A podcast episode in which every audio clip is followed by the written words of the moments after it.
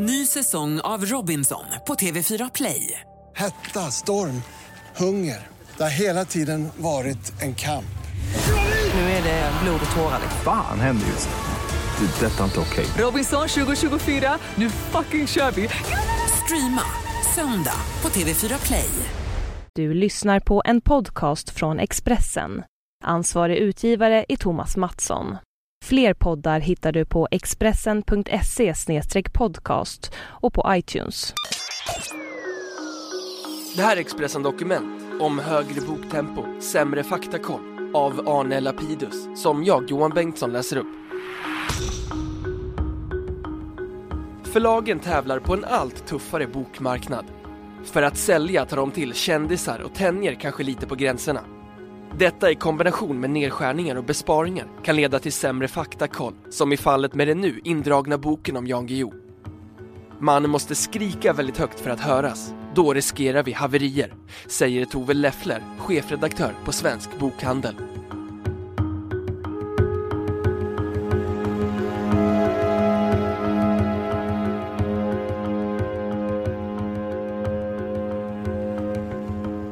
Skandallitteratur har funnits lika länge som litteratur.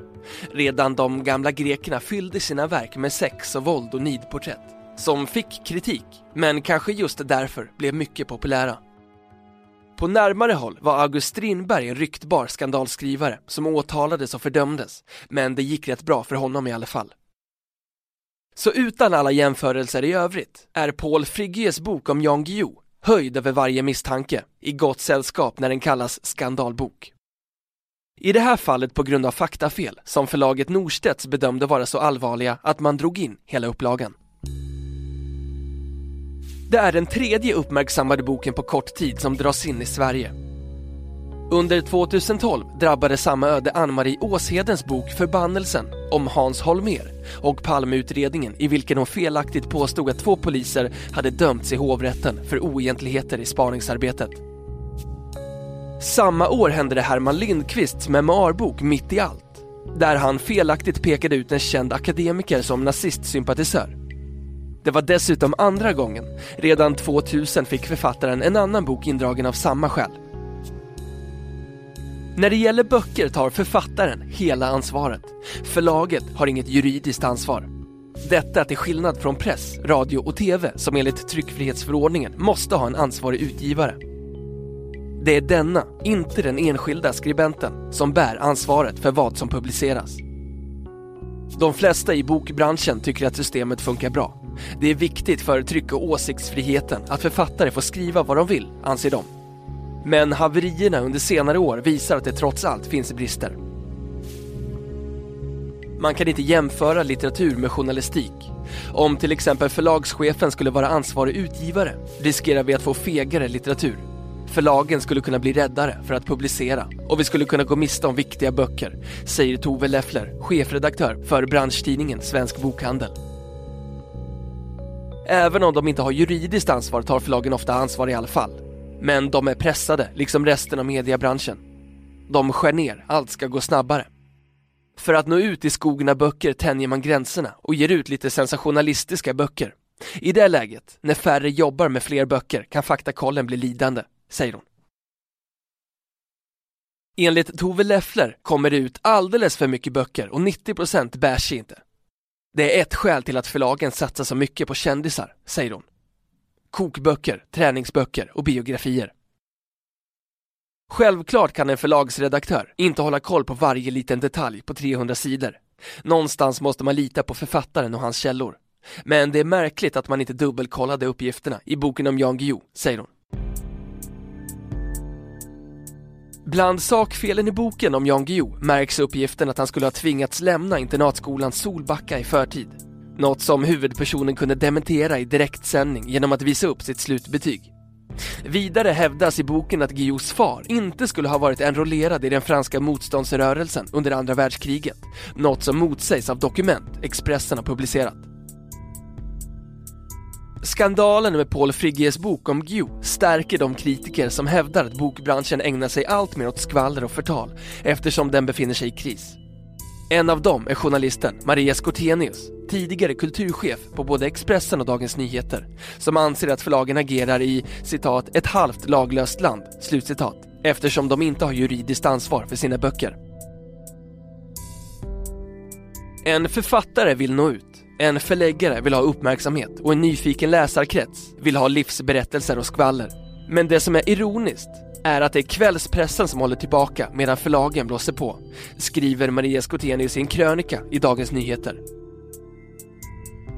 Eftersom författaren är ansvarig utgivare av sina verk, inte förlagen, finns det ingen anledning för ett förlag att avstå från smaskigt familjeskvaller om man räknar med att det kan vara intressant. Nu är det förlagen som vällustigt pressar sina juicy stories och publicerar dem medan morgon och kvällspressen får sitta på läktaren bunden av etiska regler, skriver hon. Det är en kommentar till boken Felicia försvann från 2012 av Felicia Fält, dotter till författaren Anna Wahlgren som utlämnas hänsynslöst i boken. Mamman gav senare ut en motbok i vilken hon tillbakavisar dotterns syn på händelserna. Förläggaren Kristoffer Lind ser just boken om Felicia, utgiven av Weiler förlag, som ett exempel på den frihet som måste råda i bokutgivningen, där det ofta inte går att kolla fakta. Vad gäller Felicia försvann finns två versioner av verkligheten som båda kan vara sanna. Där är det mer eller mindre omöjligt för utgivaren att kontrollera. Det handlar inte om fakta utan om upplevelser som författaren har, säger Kristoffer Lind, förläggare på Lind Company. Där går det inte att säga att en uppgift är sann eller falsk, men det betyder inte att den typen av böcker inte ska ges ut. Du har alltid rätt till din egen historia. Det är en tryckfrihets och frihetsfråga, säger han. Kristoffer Lind förklarar att han och hans förlag tar ansvar för sin trovärdighet, även om han inte bär det juridiska ansvaret. Därför försöker han dokumentera källor när han publicerar känsliga uppgifter som kan vara kränkande eller förtal. Han har också personligen träffat källor för att kontrollera uppgifter, säger han. Innan Lind gav ut Den motvillige monarken, Thomas Sjöbergs kontroversiella bok om kungen, mötte han flera av källorna för att övertyga sig om att uppgifterna var korrekta. När det gäller kungaboken var jag väldigt mån om att få dokumentation i känsliga kapitel. Boken fick mycket kritik i början, men sen framkom mycket information i Expressen och på andra platser som bekräftade uppgifterna, säger Kristoffer Lind. Det var en del småfel i kungaboken, men det var slarvfel som inte har betydelse för bokens tes. Det måste man kunna skilja på. En analys kan vara korrekt även om ett årtal är fel. Det är problemet med boken om Guillou. Den grundläggande tesen om att Guillou är oförsiktig med fakta håller inte. I ett sånt fall bör boken dras in, säger han.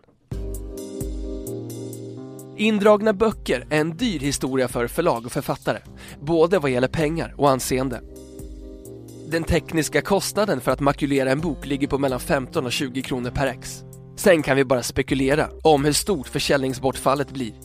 Det blir ju ett glapp i försäljningen nu, säger han. En annan viktig del av faktafadäsen kommer att ge Norstedts badwill, sa Per Faustino, förlagschef på Norstedts Fakta, till Svenska Dagbladet efter det att förlaget hade dragit in Anna-Marie Åsedens bok om Palmemordsutredningen. När Norstedts tidigare drog in en bok av Herman Lindqvist i serien Hermans historia kostade det citat ett antal hundratusen kronor, slutcitat, förklarade han. Häromåret föreslog yttrandefrihetskommittén att ansvaret för böckerna skulle flyttas över från författarna till förlagen. Det skulle ha gett förlagen en helt annan granskande roll och systemet skulle likna det som råder i press, radio och TV. Men förslaget föll när den statliga utredningen skickade ut det på remiss. Alla berörda parter sa nej. Både Förläggareföreningen och Författarförbundet var emot förslaget. Vi tyckte att ansvaret ska fortsätta att ligga på författaren. Detta för att författaren ska vara fri och skriva vad han vill, säger Pia Janne Nyberg, jurist på Svenska Förläggareföreningen. Självklart vill förlagen ge ut böcker som stämmer med verkligheten och försöker kolla det så gott de kan, även om de inte har ansvaret.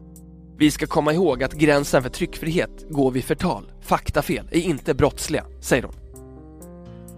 Också Mårten Schultz, professor i civilrätt vid Stockholms universitet, tycker att förlagen sköter sig i stort sett bra. Han är nöjd med det nuvarande systemet. En tidningsutgivares ansvar bygger på att chefredaktören i teorin kan sitta och läsa hela tidningen innan den går i tryck. Det är svårt när det gäller böcker. Det går inte att ha faktagranskning av den typen, säger Mårten Schultz. Man kan inte kontrollera böcker på samma sätt som tidningar. Och det blir allt svårare också på tidningar som idag hanterar gigantiska databaser. Mitt intryck är att förlagen tar på sig ett mycket mer långtgående ansvar än vad juridiken föreskriver. Till exempel i det nya fallet när boken om Guillou dras in. Vi får ge förlagen beröm för det, säger han. Mårten Schultz påpekar att den enda svenska bok som fällts för förtal är Märit, Ingmarie Erikssons roman från 1965. Några grannar i hennes hemby i Jämtland kände igen sig i boken och kände sig kränkta av skildringen. De stämde författaren, som fick betala skadestånd.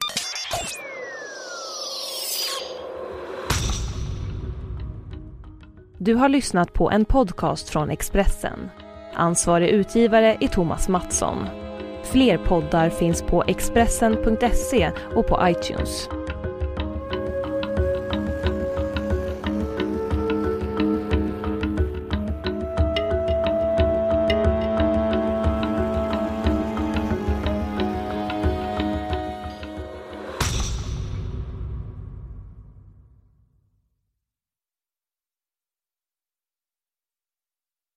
Ny säsong av Robinson på TV4 Play.